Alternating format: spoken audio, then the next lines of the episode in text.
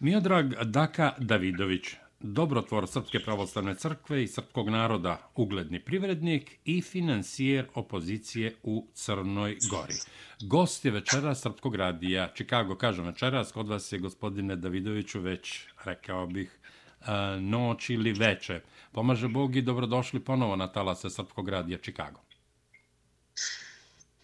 Radujem se da sam ponovo u prilici da pozdravim našu braću u Americi, da pozdravim sve naše Srbe u inostranstvu, odnosno van otačbine od eh, Los Angelesa do Sibira. Pomoć Bog, braćo i sestre, i neka vam je eh, na dobro i na radost večerašnji naš sastanak. Hvala, hvala brate Daka. Evo, krenut ćemo u naš razgovor jednom zaista tužnom i tragičnom vešću. Naime, piloti Vojske Srbije, major Dejan Krsnik i kapetan prve klase Zvonko Vasiljević iz 101. lovačko-avijacijske eskadrile 204. vazduhoplovne brigade ratnog vazduhoplovstva i protivazdušne odbrane Vojske Srbije poginuli su danas prilikom pada aviona MiG-21 u rajonu sela Brasina kod Malog dvornika, saopštilo je Ministarstvo odbrane Republike Srbije. Pa evo na samom početku um, prosto saučešće porodicama i rečenica dve o toj tragediji. Slava neumrlim srpskim vitezovima, slava neumrlim srpskim junacima, slava našoj braći koja su položila život e, trudeći se da savladaju vojne vještine i trudeći se da nebo Srbije bude što bezbjednije. Slava im na vjekove vjekova i vječni pokoj u raju gde samo pravednici počivaju. Amin, Bože, daj. A, brate Daka, u posljednje vreme davali ste često intervjue, ali redko ko vas pita, ja to ne zaboravljam, a, a zbog naših i bratskih i prijateljskih odnosa, kako je ruka posle onog zločinačkog atentata u Beogradu u Crown Plaza, hotelu Crown pa-, Plaza? Nema ko se dovati rukom do čivota svetog Vasilija Ostroškog, tu prestaju svake muke, svi bolovi i to se osvjedočilo ponovo. To se svjedoči 350 godina od kada je naš dragi i e, vječiti svetitelj Sveti Vasilije Ostroški se upokojio i upravo iduće godine se e, navršava 350 godina od kako je preselio u Carstvo Nebesko. To se poklopilo i sa tim što vi znate, ja mislim da sam tebe govorio, brate Milorade, a evo da kažem i našim dragim, našoj dragoj braći i sestrama, da sam ja obnovio Ostrošku svetinju prije pet godina Tako je. i da smo mi htjeli da dočekamo 350 godina zaista u obnovljeno ruhu i u zaista a, jednoj vječitoj svjetlosti manastira Ostrov. Gospodine Davidoviću, Crna Gora se polako vraća sebi, iskonskim korenima, čojstvu, junaštvu, poštenju i svemu onome što se može nazvati i modernim u, rekao bih, oslanjajući se na svetlu tradiciju Crne Gore. Govorit ćemo dakle o situaciji u Crnoj Gori, ali u svim našim razgovorima uvek provejava osnovno. Potrebna je mudrost, mera i kompromis, naravno i strpljenje, efikasnost na unutrašnjem planu, ali i razumevanje situacije u kojoj se nalazi Crna Gora, posebno kada je u pitanju spoljno-politički položaj Crne Gore. Da li ste to razume u Crnoj Gori, posebno među ljudima koji su osvojili vlast, među kojima su mnogi naši prijatelji? Pa, naš veliki eh, pjesnik Vladika Rade, naš eh, možda i sigurno jedan od najumnijih e, ljudi u istoriji svekolikog srpstva je rekao iza tuče vedrije je nebo, iza tuge bistrija je duša, za plača veselije poješ. Mi smo zaista i tugovali i, i mučili se e, u komunističkom sistemu 45 godina dok, dok je vladao taj e, nesrećni broz koji je unazadio e, Srbe za svoje vladavine više nego Turci za 500 godina.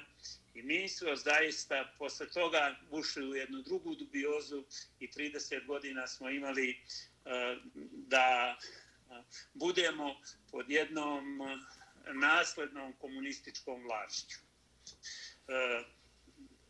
Mnogo će trebati napora, mnogo će trebati e, mudrosti, mnogo će trebati muke da se mi prešaltujemo sada iz te komunističke odjeće, da se vratimo sebi i da sagradimo jedno demokratsko društvo. Vi živite u demokratiji zapadnih vrijednosti mnogo, mnogo godina, ali mi smo, moramo se prisjetiti, imali veću demokratiju 1219. godine u vremenu kada je Hirotanisan u arhijepiskopa prvog srpskog sveti Sava, naša, naša najveća zaista glava u i na, naša najveća mudrost, naša najveća pamet, naš najveći državnik, naš najveći pastir, u tom vremenu, u vremenu njegovog e, počivšeg oca Svetog Simeona, posle toga u vremenu kralja Milutina, sve do cara Dušana, posle Uroša, mi smo zaista imali veliku demokratiju, imali demokratska društva kada je Evropa nije znala za sebe, kada su to bili krstaši ili kada su to bile, bili ubice koje su jurišale u hordama prema, prema Vizantiji, odnosno prema, prema antičkim vrijednostima e, stare Grčke. Mi, Srbi, se sada nalazimo u tom postkomunističkom društvu i mi moramo sada sagraditi zaista demokratiju i ja se nadam da će naš brat naša velika nada, profesor Zdravko Krivokapić, umjeti da okrene Sidro u ispravnom pravcu i da okrene Crnu Goru onim vrijednostima koje su bile u vremenu Svetog Petra Cetinskog, u vremenu Svetoga Jovana Vladimira, u vremenu Svetog Stefana Piperskog, u vremenu Svetog Vasilija Ostroškog, u vremenu svih svetih koji su obitavali i koji danas i koji danas e, postaju i ostaju vječiti pastiri nad srpskim narodom u Crnoj Gori. Gospodine Davidoviću, pre dva dana konstituisana je Skupština Crne Gore sa novom parlamentarnom većinom koji čine tri pobedničke koalicije za budućnost Crne Gore, Mir je naša nacija i Crno na bijelo. Za predsjednika parlamenta izabran je Aleksa Bečić, pa evo koristim priliku da mu zajedno i čestitamo.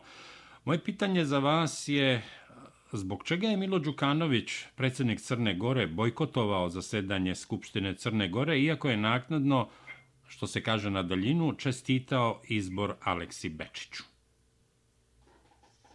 E, ja se još jednom pridružujem čestitkama gospodinu Aleksi Bečiću mladome momku koji je zaista napravio sa jako malo godina veliku karijeru i dospio do prvog čovjeka, do prvog čovjeka Skupštine Crne Gore. E, zaista je iznenađujuće da je predsjednik Republike ignorisao e, Skupštinu i da nije došao na inauguraciju predsjednika parlamenta i to je E, to je taj e, ostatak komunističkog nasljeđa sa kojim mi moramo da kažemo ko ima pravo da se ljuti, ali ja sam rekao u jednom intervju e, da je to ipak kao mali, lakši grip koji će na koji će morati dosadašnja vlast da se, da se adaptira i da zamijeni klupe većine u skupštini sa klupama, sa klupama opozicije. Znate, oni nikada nijesu bili opozicija, 30 godina su donošeni zakoni e, dizanjem ruku i vječitom pobjedom onih koji su sjedili u tim klupama ja se nadam da će ta ljutnja koja, koju je iskazao gospodin Đukanović eh, ne prisustvovanjem e, skupštini, skupštini Crne Gore, kada je, e, kada je izabran predsjednik parlamenta i kada je predložen novi mandatar, to zaista nije u redu i mislim da ova naknadna pamet je učinila to da je ipak pokušao da objasni situaciju zbog čega nije došao. A mm, prosto za takve situacije teško je naći opravdanje i teško je ubijediti narod Crne Gore da u takvom ambijentu sve funkcioniše kako treba i da će u budućnosti funkcionisati sve kako treba. Ja zaista nemam bojazni, mislim da je dosadašnja vlast svjesna da je izgubila izbore, da je izgubila izbore sa značajnim rezultatom, a bio bi mnogo veći da nijesu, da nijesu zloupotrebljeni resursi i sva ostala mašinerija koja u takvom sistemu funkcioniše. Prema tome, mi se nadamo da će krenuti nabolje, da je Milo Đukanović postaje predsjednik Republike. On malo li je predsjednik Republike biti, ali vjerovatno da mu se čini da je ta apsolutna vlast koju je imao do sad, da postoji jedan žal za njom i da će ipak, ipak morati da se privikne novoj situaciji i novim vrijednostima koje će inaugurisati naš novi premijer i naša vladajuća struktura u izvršnoj vlasti. Nova parlamentarna većina u Skupštini Crne Gore predložila je profesora doktora Zdravka Krivokapića za mandatara nove vlade Crne Gore i uputila predlog predsjedniku Milu Đukanoviću, a Milo Đukanović do 23. septembra, ako se ne varam, ima rok da potvrdi mandatara ili će obstruisati predlog vladajuće većine. Budite ljubazni, recite nam šta vi očekujete. Pa, eh, naš eh, E, kandidat za premijera i budući premijer profesor dr. Zdravko Krivokapić e, je donio u Skupštini mandat većine i predao ga predsjedniku Skupštine. Taj, e, taj spisak poslanika koji su, koji su se opredelili i glasali novu većinu je će biti i već je proslijeđen od predsjednika Skupštine prema predsjedniku Republike. Oni u obavezi u roku od 30 dana da pozove sve stranke na konsultacije i da da mandat onome koji ima većinu. Ovdje je potpuno jasna većina i bilo kakvo obstruisanje većine bi izazvalo neviđeni gnev naroda i mislim da gospodin Đukanović nije nije ovaj taj koji će učiniti obstrukciju da se izabere novi predsjednik vlade i da se izabere nova vlada u u zakonskom roku, imajući u vidu sve što se dešava u Crnoj Gori, velike probleme, velike probleme sa COVID-om, uh, uh, mislim, mislim da će on preduzeti neophodne korake i završiti ono što pripada Bogu i narodu, ono što je narod učinio i ono što je narod olovkom zaokružio. Da, gospodine Davidoviću, kad smo kod Mila Đukanovića, predsjednik Crne Gore Đukanović non stop optužuje zvaničnu Srbiju da se direktno i brutalno umešala, tako on kaže, u politički život Crne Gore i u izbore, optužuje Srpsku pravoslavnu crkvu, za koji kaže da u kontinuitetu jeste instrument velikosrpskog nacionalizma i ruskih imperialnih interesa, naravno ovo treba uzeti uslovno, na Balkanu, a ovaj put je, prema njegovim rečima, to Srpska pravoslavna crkva radila otvoreno. On zaboravlja koliko su se a, Albanci Edi Rama, predsjednik a, um, Ilir Meta, predsjednik Albanije, koliko su se oni tek umešali u politički život Crne Gore, a s tim u vezi zaboravlja da je a, taj nesrećni zlikovački zakon o slobodi veroispovesti potaknuo crkvu da brani ono što je vekovima njeno. Molim komentar.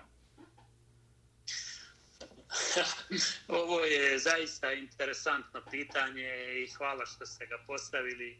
Mi moramo da damo odgovor na to pitanje, a evo dozvoljavam sebi da kažem da niko nije pozvani e, od mene da o tome govori iz prostog razloga što sam bio u centru zbivanja i što znam e, odnose jako dobro e, profesora Krivokapića i naše svete saborne i apostolske crkve.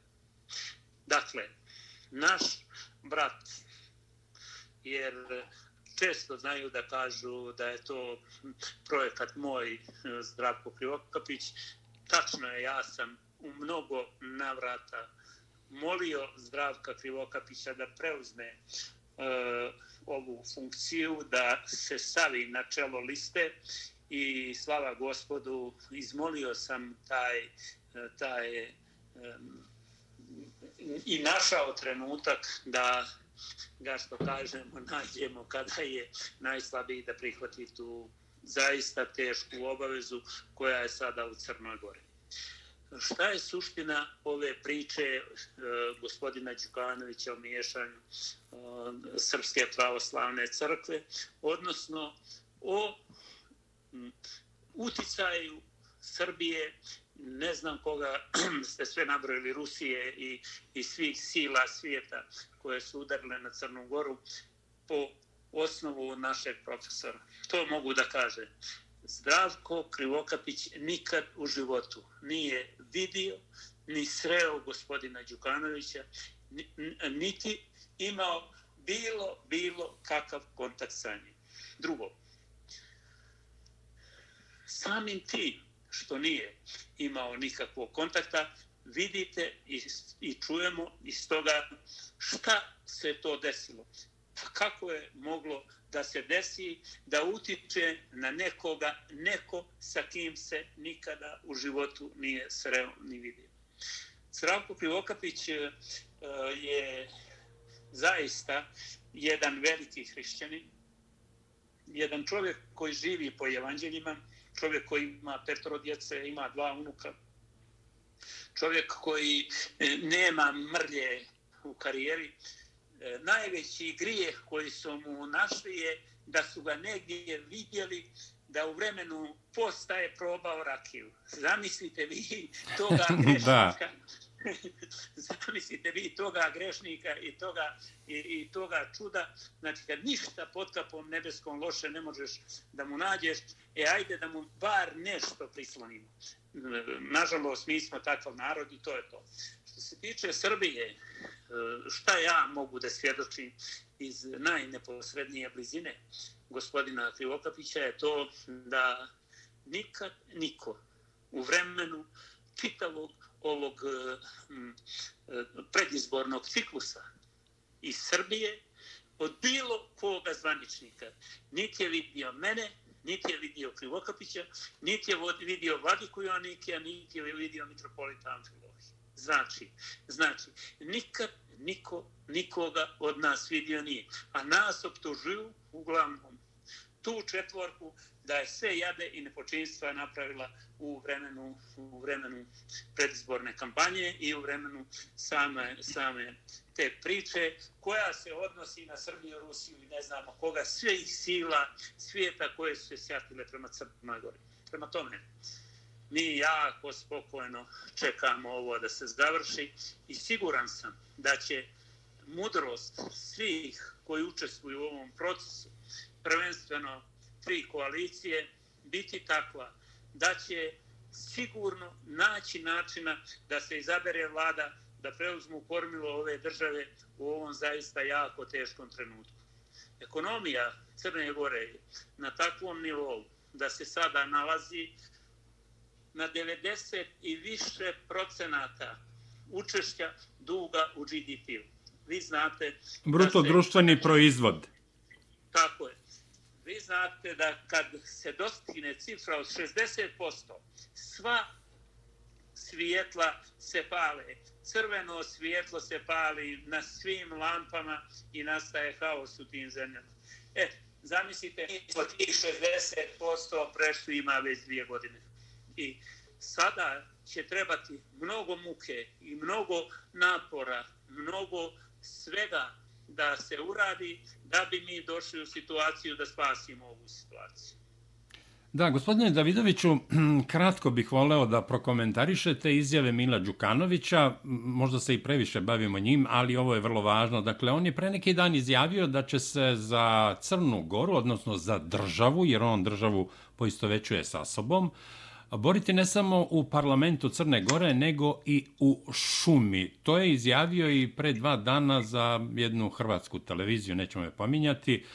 Dakle, jednostavno tim izjavama priziva građanski rat u Crnoj Gori, tako to izgleda. Pravo da vam kažem, eh, u ovoj našoj tročlanoj koaliciji eh, ljudi se eh, sa tim E, ne bave ozbiljno. Niti to iko, iko ozbiljan, mnogo ozbiljno shvata. Mi znamo da je ta poruka služi za dnevno političke prilike DPS-u. Šta se time želi? E, osipanje članstva DPS-a je neviđeno. Od izbora, evo koliko je prošlo, po današnjim, po današnjim e, e istraživanjima e, režimu naklonjenih medija se pokazalo da je već učešće DPS-a na današnji dan da je bilo glasanje je 25,4%. Znači, e, drastičan pad, a enormno, enormno nastao je rast ove tri koalicije. To objavljuju e, naklonjeni DPS-u. E, zamislite onda kako je to dramatičan pad. Dakle, da bi se ikoliko uspio sačuvati uspio sačuvati rejting, da bi ostalo išta na okupu, jer sad nastaje neviđena bježanija kakva nije zapančena u istoriji iz DPS-a u druge partije i ako bi danas u Crnoj Gori pitali ljude koga ste glasali, vjerujte mi, vjerujte mi da ne mogu prosto sresti čovjeka koji kaže ja sam glasao DPS. To je zaista za nevjerovat, ali znate kako ljudi, ko se topi za pjenu se hvata, ljudi gledaju da ipak sve to vrijeme koje su proveli sa DPS-om, da ipak nekako eh, iz te države koja je zaista bila bila eh, više dozlogrdila Bogu i narodu. Narod je počeo da bježi tamo gdje osjeća slobodu, gdje osjeća demokratiju i gdje će u konačnosti, ja mislim, doći do toga da narod jednom predahne i da kaže evo nas, evo nas u novoj demokratskoj strukturi, evo nas u novoj vlast sa novim vlastima koje će umijeti cijeniti samo rad, red i poredak, istinu, pravdu i sve ono što donosi demokratija.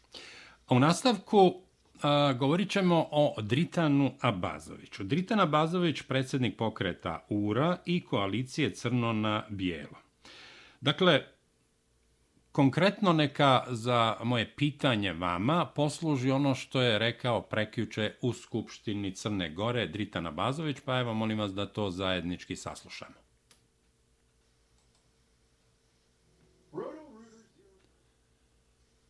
Evo samo moment da nam puste to. Bilo je puno riječi oko ovog sastanka koji se desio kod Ostroka, ja ću reći, pošto vjerojatno se najviše adresira koaliciji Crno na Bijelo i meni lično zašto sam prisustvovao tom sastanku, ja ću reći da sam prisustvovao sa velikim zadovoljstvom. I da je i Ostrok, i Husein Pašinu džamiju, i katedralu Svetog Trifuna, i bilo koje mjesto smatram svojim, bez obzira da li sam pripadnik te vjere ili nisam. Ja sam bio da razgovaram sa ljudima. Možda ste vi navikli da se dogovarate u Spendidu, u Hiltonu, u ramadi i da nosite kese jednim drugima ili da budete potkupljeni. Ja to nisam i gledam vas u oči i kažem vam nikad neću raditi sa ljudima, bilo da se radi o vjerskim velikodostojnicima, političarima, ljudima iz biznisa, ekonomije, običnim građanina. Evo, čuli ste, gospodine, čuli ste ovu izjavu Dritana Abazovića u Skupštini Crne Gore. Šta mislite o Dritanu Abazoviću? Dakle, to je koalicija sa najmanjim brojem poslanika, ali Dritan Abazović ima zlatni ključ za formiranje vlade. Ono što je obećao, do sada je i ispunio. Izvolite. Dritan Abazović je jedan zaista mladi, ali ipak iskusni, jako sposobni, e, jako sposobni političar. Ako mene pitate da li sam bio prisutan u razgovorima sa gospodinom Dritanom Abazdovićem i gospodinom Filokapićem, ovaj, bio sam prisutan tim razgovorima i mogu da kažem da mi imamo dosta stvari oko kojih se ne bi složili ili možda ne bismo isto razmišljali. Međutim, mi imamo jedan zajednički cilj na kome sve što je urađeno u Crnoj Gori do sada izvanredno urađeno, a to je demontaža DPS-a, znači demontaža Demokratske partije socijalista. I mi smo oko cilja glavnog, oko koga smo se okupili, tu je sve urađeno perfektno, bez jedne greške, sve što je učinjeno, učinjeno je na dobrobit svekolikog naroda. Gospodin Drita Nabazović je čovjek principa i čovjek koji ima riječ. E, kod Albanaca je jako poznato e, ta čuvena riječ besa, što znači dao sam ti riječ, to mora biti ostvareno. Ja sam siguran da je Drita Nabazović iz e, te strukture, da mu riječ znači mnogo više od svega drugoga i da će on biti taj čovjek koji će održati riječ i dovesti ovo o čega smo se okupili do kraja.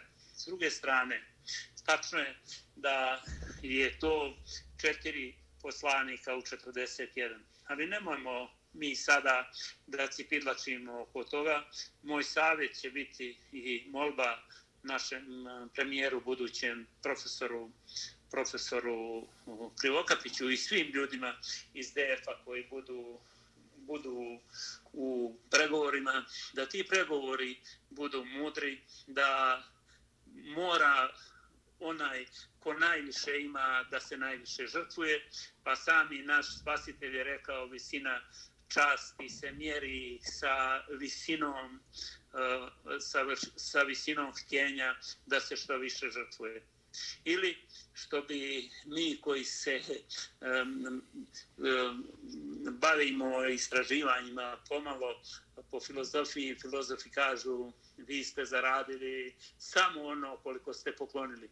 Prema tome, šta želim da kažem? Mislim da Demokratski front koji ima 66% mandata neće insistirati na, na grubom i čistom računu, jer ipak divno ste rekli e, gospodina Bazović ima e, zlatnu karticu, zlatni ključ, zlatni, zlatni tiket, zlatnu akciju i mi, mi po mom sudu treba da popustimo i da omogućimo da se napravi e, vlada na najbolji mogući način od eksperata, a sigurno i od ljudi koji su vješti politici. Da, Andrija Mandić iz Demokratskog fronta, Nova Srpska demokratija, rekao je da je Dritana Bazović na sastanku kod mitropolita Amfilohija, evo vi ste bili na tom sastanku, On je saopštio da resori Ministarstva unutrašnjih poslova, Ministarstva odbrane i Agencije za nacionalnu bezbednost ne mogu da pripadnu predstavnicima srpskog naroda, dakle Srbima, i da u vladu mogu da uđu samo oni Srbi za koje Bazović misli da mogu da uđu u tu vladu. O čemu se radi? Pa, Andrija Mandić je naš brat, vi to znate. Apsolutno. I, I prijatelji i, brat. I čovjek koji je mnogo žrtvova u ovih 30 godina, odnosno 25 godina od kad je DPS e, na vlasti. Čovjek koji je bio osuđivan, presuđivan, maltretiran i tako dalje. I mi moramo da imamo, mi moramo da imamo zaista respekt prema emocijama koje sada u ovoj erupciji ili oduševljenja ili razočarenja, a najviše kod nas e, oduševljenja, e, ipak, e, ipak još uvijek rade te emocije, još uvijek je to, to nekako ovaj, nije se uspjelo stišati, ali sam siguran da će front imati dovoljno mudrosti, dovoljno snage i dovoljno, i dovoljno respekta da uvaži stavove gospodina Abazovića, a sa druge strane sam siguran da u jednom lijepom pregovaračkom procesu koji je moguće, koji je moguće upriličiti i, i sagraditi jednu novu lijepu kulu u kome će biti zadovoljni i ljudi iz fronta, u kome će biti zadovoljna grupacija oko Dritana Abazovića i naravno grupacija oko Bečića. E, ne sumnjam da će svi skupa predvođeni našim zaista zaista e, briljantnim e, bratom Zdravkom, Zdravkom Krivokapićem umjeti da tu kulu sagrade do kraja i da se sagradi vlada po mjeri svih koji u njoj učestvuju. Gospodine Davidoviću, vi ste juče bili u Budvi i juče nismo uspeli da realizujemo naš intervju koji je bio i najavljen za, ljuč, za juče zbog tehničkih problema i nefunkcionisanja internet veza. Dakle, bili ste u Budvi, a naš prijatelj i brat Marko Bato Carević izabran je za predsjednika opštine Kažite nam nešto o tome. A juče je bila velika radost, juče je bila velika radost. Vi znate koliko su naši ljudi stradali u zadnja tri mjeseca u Budvi, koliko je Bato Carević sa svojim saradnicima podnio muka, terora, jada, represije, batina, zatvora, zatvaranje, zatvora, zatvora, čitave familije, sinova i tako dalje, najbližih saradnika. I ipak juče je došlo do blagog opuštanja, iako mi nemamo vremena za opuštanje, ovaj, došli smo, došli smo kod našeg prijatelja, kod našeg brata i najboljeg domaćina Grbaljskog, odnosno primorskog, možda i ne možda, nego sigurno i najboljeg domaćina u Crnoj Gori. I tako malo smo, malo smo proslavili zaista tu jednu briljantnu pobjedu koju je odnijela koalicija, koalicija koju predvode ove tri, odnosno, dobro sam rekao, koalicija od sve tri ove grupacije. Marko Bato Carević je juče inaugurisan za gradonačelnika na tradicionalan način, tako što je osvještana eh, zgrada same skupštine, što je na tradicionalan način vratio i vjeru i na tradicionalan način pokazao još jedan put da to svetogrđe i to taj zakon koji je koji je izglasan, to strašilo od, od, od, od tog papira koji je, koji je sagradila DPS mašinerija, to je bio prosto jedan blagi otklon da vide ljudi da se da je svaka sila zavremena. Da je svaka sila zavremena i nema Bog silu ne voli. Tome nismo imali zaista juče jedan veliki veliki dan a očekuje se u ponedjeljak inauguracija takođe e, u u opštini Tivat u opštini Kotor. Danas je bila inauguracija u Andrijevici i to su sve opštine u kojima u kojima je um, pobjednička koalicija pobjedila i preuzela vlast na izborima koji su održani 30. 30. augusta. Gospodine Davidoviću, mnogo puta razgovaramo, a mnoge stvari treba naravno da ostanu među nama i one ostaju među nama. Kada je u pitanju formiranje vlade Crne Gore, ja znam da ste vi izuzetno aktivni, da razgovarate posebno pod navodnicima, ne volim tu reč, ali eto tako je to u politici, sa manjinama. A, bili ste juče u jednom gradu, ne znam da li, da li mogu da pomenem ili opštini, e, neposredno uz Podgoricu, razgovarali ste sa Albancima. A ja sam u tom gradu, evo zašto i ne, ovaj, radi se o Tuziju, pošto sam ja služio armiju u Podgorici, a, bio sam u Maslinama, toj predivnoj kasarni koja izgleda više i ne postoji. Bio sam instruktor vojnoj policiji, saobraćajnoj vojnoj policiji, Pa smo često na Čemovskom polju u blizini Tuzija imali te vožnje, izvodili obuke i tako dalje. I tu sam susretao a, a, mlade ljude naših godina, vojničkih godina, a, koji su bili Albanci i meni je tad to bilo vrlo čudno.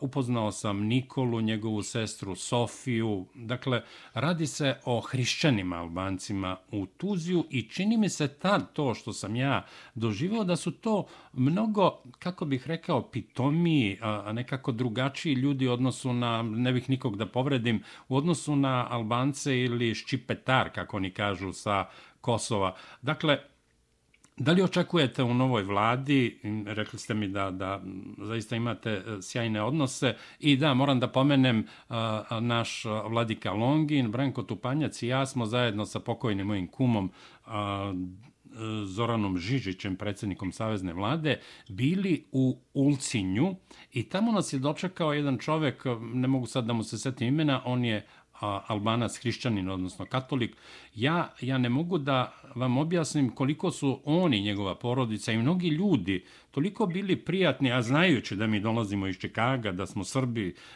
prosto neverovatan jedan odnos i, i s tim u vezi vas pitam da li je moguće da manjine podrže većinu u Skupštini da postanu deo vlade Crne Gore? Tačno, ja sam razgovarao s Albancima u Tuzima. Bio sam primljen zaista na najljepši, najhrišćanski, najbolji mogući način i to je zaista nevjerovatno kako oni umiju lijepo da dočekaju, da dočekaju izvanog i nezvanog gosta. E, jako smo imali lijepe razgovore, izvaredne razgovore i vrlo, vrlo brzo smo se izdogovarali šta ćemo da radimo i kako da radimo. Mislim da do kraja ovog procesa da će sve manjine ući e, zajedno sa nama u vladu i da ćemo mi imati komotnu većinu za odlučivanje u parlamentu. Da, hvala vam. Za profesora Zdravka profesora doktora, univerzitetskog profesora Zdravka Kirokapića, našeg brata, govore da je vaš čovek i čovek mitropolitan Filohija. Šta vi kažete na te tvrdnje? A onda ćemo preći na ove relacije Crna Gora i, i, i Srbija, odnosno Zdravko Kirokapić, Aleksandar Vučić. E, šta da kažem? E, mogu da kažem samo sve najbolje na početku emisije i na početku našeg razgovora sam rekao da sam zaista bratski, hrišćanski e, razmišljao koji su to ljudi koji bi mogli da sruše režim gospodina Đukanovića. I tu su bila tri kandidata. Bio je profesor doktor, naravno, Zdravko Krivokapić, bio je profesor doktor doktor Vladimir Božović, Vladimir Božović sa prirodno-matematičkog sa prirodno-matematičkog fakulteta i bio je profesor, profesor Krcunović. E, ta tri imena su bila e, zaista u našim razmišljanjima i bila su ta tri imena kandidati da uđu na listu da oni ponesu listu u objedinjene koalicije. Ja sam razgovarao sa sve trojicom. E, ostao je, ostao je po mom razmišljanju, po mom viđenju e, situacije da je nekako najbliži e, najbliži razmišljanju našem e, profesor, profesor Zdravko Krivokapić. Iako su sve trojice njih u početku odbili da uđu u tu priču, u priču jer profesori ne žele da se petljaju u politiku. Oni su, makar ovi sa kojim sam ja razgovarao, e, su ljudi koji žele da se bave naukom, ljudi koji su ugledni i najbolji iz našeg roda srpskoga u Crnoj Gori profesori e, žele ipak e, i žele i dalje iako je i prihvatio ovu funkciju profesor Krivokapić, žele i dalje da se bave naukom i to što najbolje znaju. E, kad je malo počeo da popušta gospodin Krivokapić, a ja ponovo kažem sam pritiskao da, da preuzme funkciju i da bude nosilac liste, on je u jednom trenutku rekao, mene treba blagoslov. Ja kažem, pa, brate Zdravko, pa ti imaš već blagoslov svih, ti si Bogom dan da budeš na toj funkciji i to je nešto što zaista tebi pripada i po znanju, i po umjeću, i po, i po svemu. E, jer naše razgovore, bratske razgovore i bratske molbe i, i, i sve ono što brat bratu može da kaže u takvim situacijama su ovi mm, mm, razni listovi, razna štampa. Znači će, mm, iako ima i ozbiljne, naravno, ali i ove druge su iskoristili to i da bi njemu na neki način naškodili, da bi njemu naudili, da bi mu se našli kao počnica, oni su to ispromovisali da je on moj i Amfilohijev, Amfilohijev čovjek. Šta ja mogu reći u ime, evo, Bog nek mi oprosti i naš dragi mitropolit, šta ja mogu to da kažem? Mogu samo da kažem da je e, mitropolitov i moj brat naš profesor Zdravko Piloković. Hvala, hvala, sasvim jasno. A, idemo na, na ovu relaciju Crna Gora, Srbija. Ova, pod navodnicima, Crna Gora, još ona nije nova, jer Milo Đukanović i a, njegovi sateliti, odnosno oni su inkorporirani u vlast, tako da još uvijek drže vlast. Ali predsjednik Srbije Aleksandar Vučić izjavio da Srbija želi normalne odnose sa Crnom Gorom i dodao da bi profesor dr. Zdravko Krivokapić trebao da pojasni i objasni građanima sa svim elementima njegove saradnje sa Milom Đukanovićem, posebno u poslovnim varijantama. Ako ne bude imao dokaze, onda predsjednik Srbije Aleksandar Vučić očekuje da mu se Zdravko Krivokapić izvine, a upravo sam dobio, pripremili su mi deo izjave Zdravka Kirokapića koji kaže od mene se traži izvinjenje predsjedniku Srbije Aleksandru Vučiću, a ja pitam zašto treba da se izvinim. Hrišćanin sam, kažem izvini kada pogrešim. Umesto izvinjenja pozivam rukovodstvo Srbije da sarađujemo, da ponovo gradimo ono što su neki porušili u proteklih 30 godina, a rekao je Zdravko Kirokapić i da li mislite da su ovo sve spinovanja i da se veštački stvara neki animozitet između um, budućeg premijera i predsjednika Srbije? Pa mi smo specijalisti da ni iz čega stvorimo medveda. Mi smo specijalisti da od ničega da od ničega stvorimo veliko čudo i da stvorimo omrazu, da stvorimo nesreću i da stvorimo pogibije. Tu su specijalisti Srbi i tu e, pa davnih vremena, davnih vremena je rečeno ako ne znaš kako da, da zavadiš Srbe, pusti ih, ne brini, oni će se sami sa sobom baviti. E, tu su bile dvije tri žaoke, da kažem, sa jedne i sa druge strane, onako blago. Um, posle, posle pobjede i posle prvih izjava profesora Krivokapića, reagovao je predsjednik Vučić i rekao da su to što radi um, radi, to što radi profesor Krivokapić, da je to dijelo ambasada, od jedan, i da nije očekivao da će ove naše nove vlasti izvršiti, povući priznanje Kosova. E, posle toga je bila ova izjava profesora Krivokapića, ali sam profesor Krivokapić je rekao da šta ima tu da se, da se izvinjava brat bratu.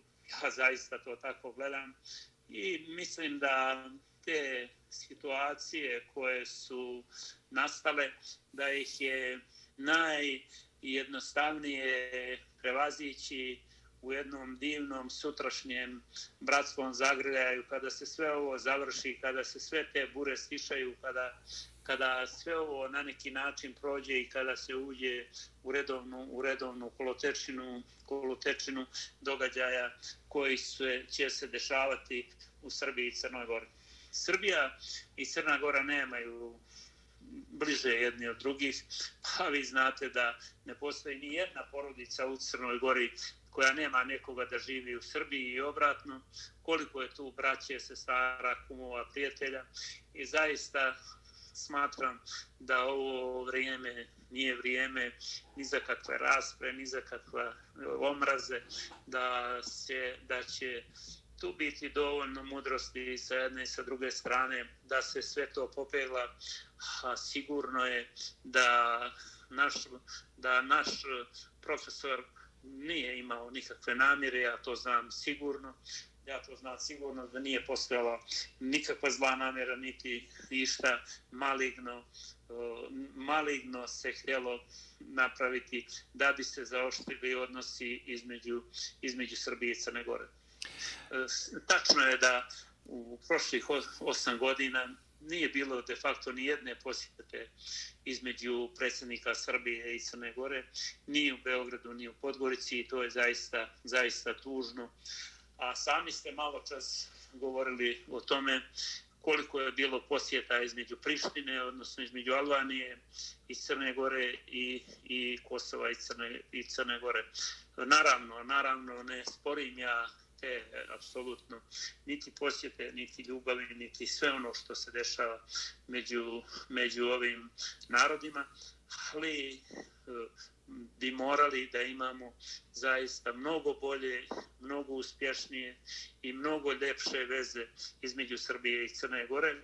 Naravno, vlasti, kakve god bile i koje god bile, ne mogu poremetiti među našim narodom sa jedne i druge strane granice ništa. Sve to e, dole po dubini fenomenalno funkcioniše i narod, odnosno ljudi iz Crne Gore, nigde se ljepše ne osjećaju u Beogradu ili Beograđani na moru na moru u Crnoj Gori.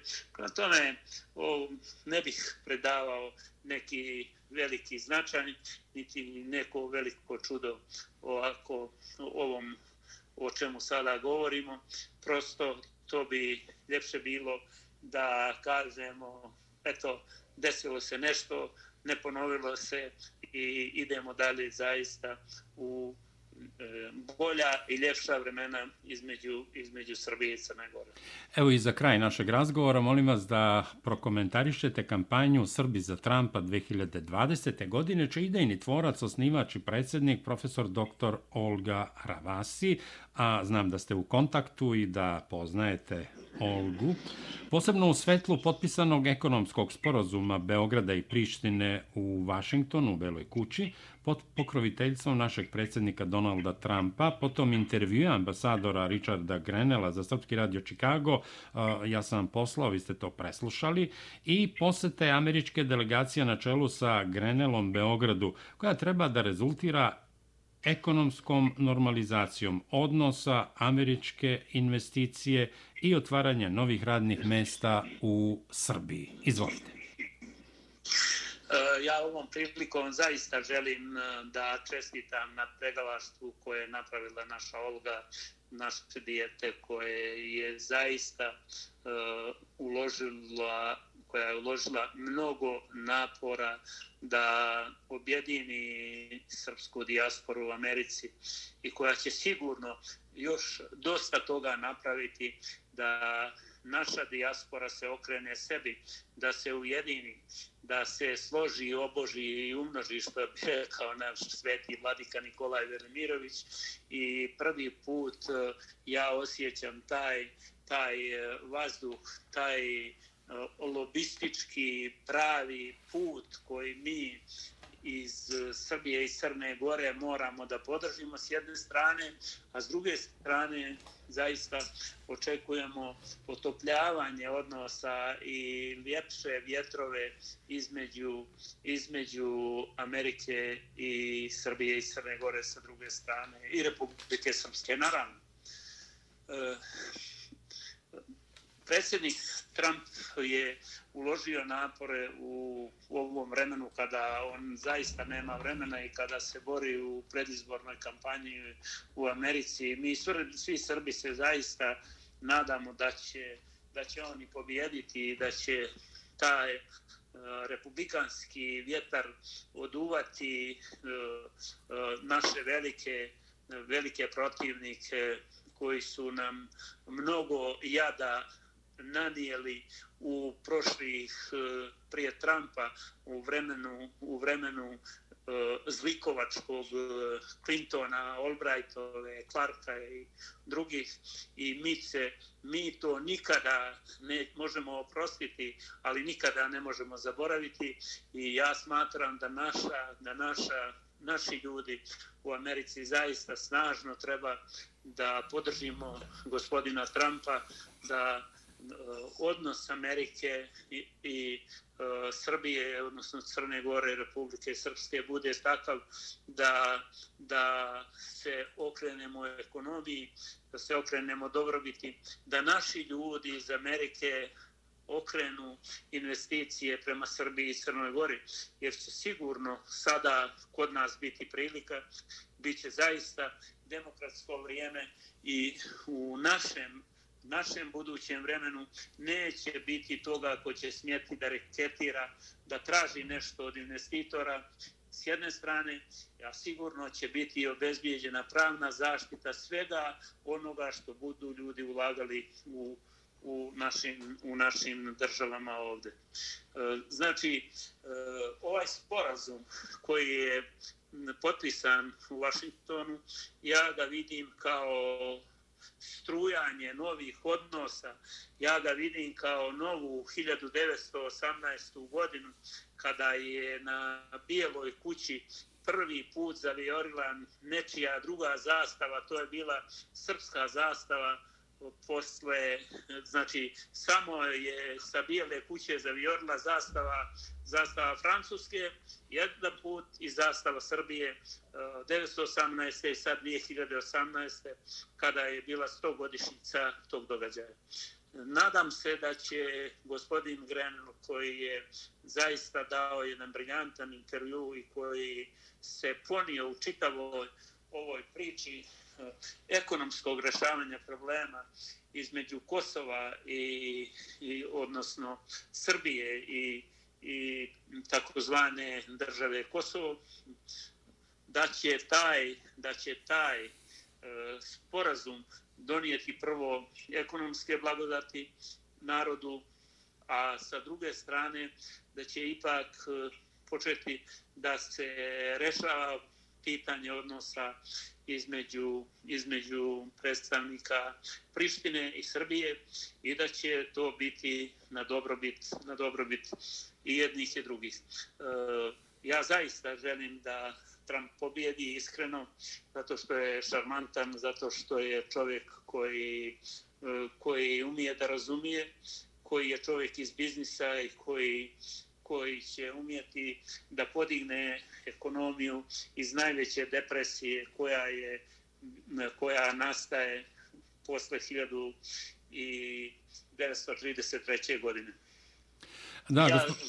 vjerujem, pardon. Izvolite, izvolite. Ja vjerujem, ja vjerujem da će naša Olga umjeti da, da prenese uh, mišljenje i nadu svih nas koji smo na njenoj strani i koji držimo palče i, i želje da uspije u tom naumu.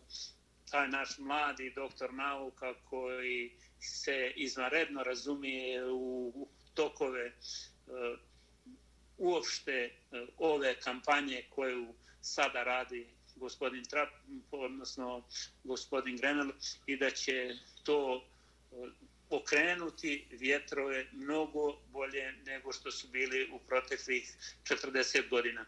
Vi znate da od vremena Nixona do dana današnjeg ni jedan američki predsjednik nije došao u Srbiju i Crnogoru.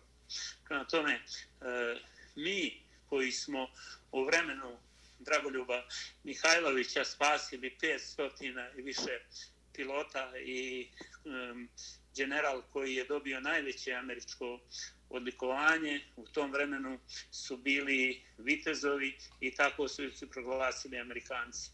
Amerikanci su umjeli i prošle i ove godine da obilježe te datume i to je bilo zaista jedno čvrsto prijateljstvo.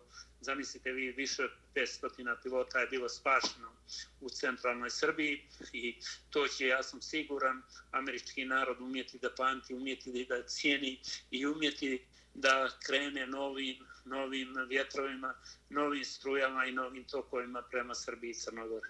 Da, evo i na samom kraju, pošto smo već pomenuli profesorku, doktorku Olgu Ravasi, hteo bih da pomenem još jednog mladog čoveka, naše dete iz Čikaga.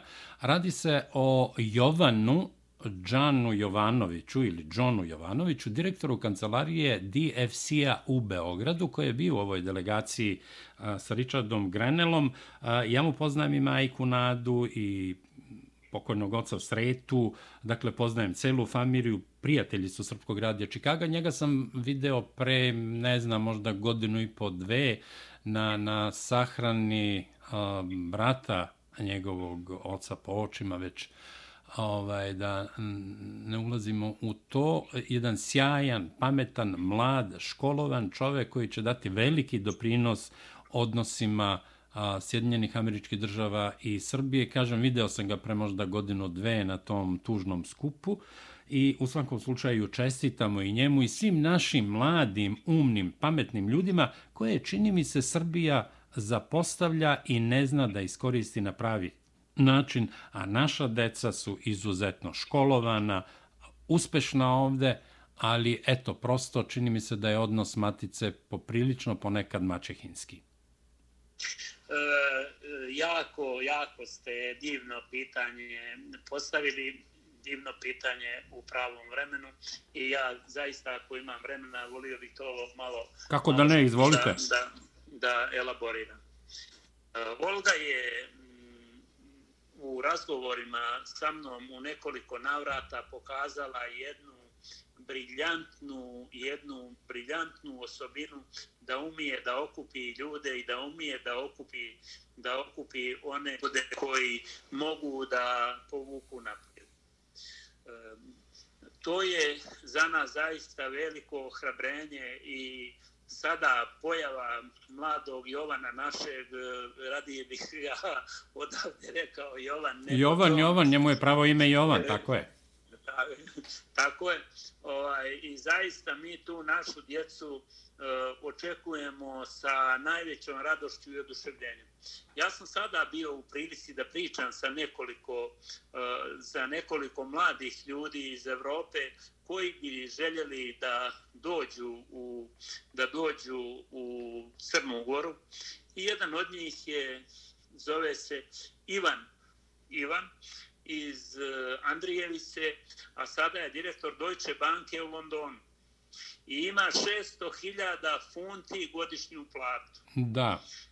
I ja kažem njemu, pa Ivane, koji su motivi tvoji da dođeš ti sa 600.000 um, funti, to je otprilike 700.000 eura, da dođeš ti u Crnu Goru na 12.000 na 12.000 eura godišnje.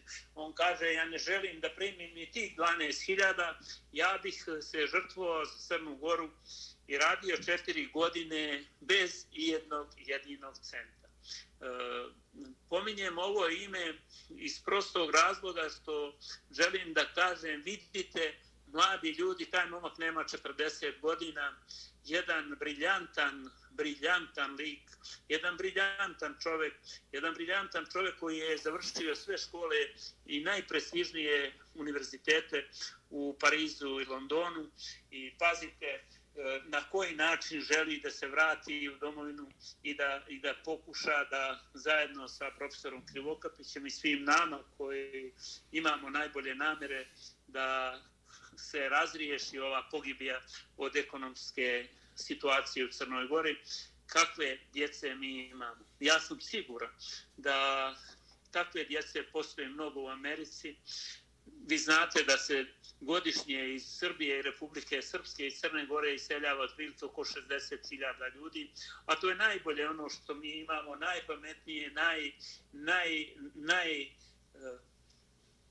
čuvenije što mi možemo da, da, da, da damo svijetu, koji je to odliv mozgova, koliko to novca je koštalo naše države da bi se da bi se školovali i da bi došli do tih funkcija i na kraju i na kraju da kažem da e, ti ljudi mogu samo povući naprijed. Mi u Jovana imamo zaista veliku nadu. E, Amerika je e, najavila infrastrukturne projekte u više za od, viš, od nekoliko milijardi milijardi dolara. To je za nas veliko ohrabrenje i ja vjerujem da ćemo mi koji dolazimo u ovu priču u Jovanu imati dragog i lijepog prijatelja koji će nam omogućiti da investicije sa te strane okeana usmjerimo u projekte za koje mi mislimo da mogu da donesu realne prinose i da povrate kapital tamo odakle je došao. Gospodine Davidoviću, hvala vam što ste bili goste Srpkog radija Čikago. Ja se radujem još jednom da kažem e, veliki, veliki, veliki pozdrav svim našim braći i sestrama u Americi da se raduju i na mnoga ljeta da budemo zajedno. I nadam se do skoroga viđenja u Beogradu, odnosno u Podgorici, rekao bih pre svega. E, mi vas čekamo, vi ste najavili naš, naš Vladika Longin, vi, gospodin Tupanjac i mi vas čekamo kao što su stari govorili, kao braći iz Amerike. Hvala od srca, hvala od srca što ste odvojili vaše vreme i bili gosta Srpskog radija Čikago. Hvala veliko, još jednom sasrećom i na mnoga ljeta. Na mnoga ljeta, poštovani slušalci, gost Srpkog radija Čikago bio je Miodrag Daka Davidović, dobrotvor Srpske pravoslavne crkve i srpskog naroda, ugledni privrednik i financijer opozicije u Crnoj Gori. One prošle opozicije koja je sada vlast.